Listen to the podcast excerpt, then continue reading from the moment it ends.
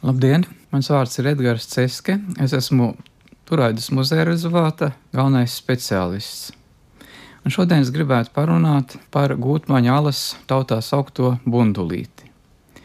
Šogad mums daba laikam lutina ar zelta lapām kā nevienu gadu, un, protams, ka Gaujas senielēja, Turaida, Krimulda, Sigulda ir tās vietas, ko katrs latviečs cenšas apmeklēt vispirms.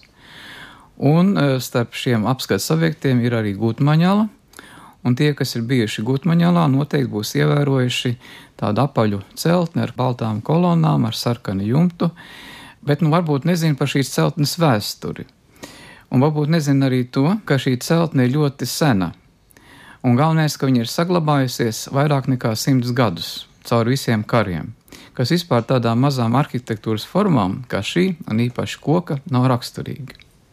1907. gadā Turaidas mužu mantoja Aleksandrs Stēls von Holsteins.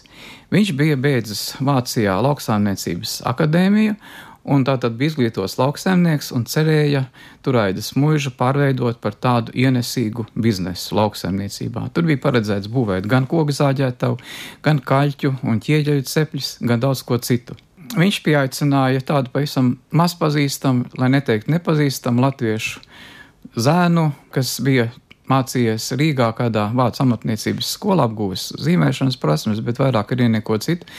Pieaicināja par uzņēmēju un uzdeva viņam būvēt tādu paviljonu pie gūtmaņalas, kur varētu tirgot turēt mužā slaukto pienu un šī uh, jaunekļa vārds bija Jānis Lapiņš. Un interesantākais ir tas, ka Jānis Lapiņš ir atstājis savu dienas grāmatu diezgan plašu, kur viņš raksta par laika posmu no savas dzimšanas līdz 1919. gadam un pat vēl ilgāk.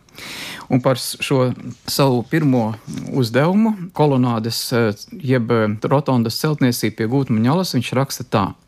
Pirmais darbs man bija kioska būve pie Gūtmaņalas pēc arhitekta skices no Dansigas, tas ir tagadējās Daņskas. Viss bija no ozolu kokiem, lielākoties granīta trepēm un pamatiem.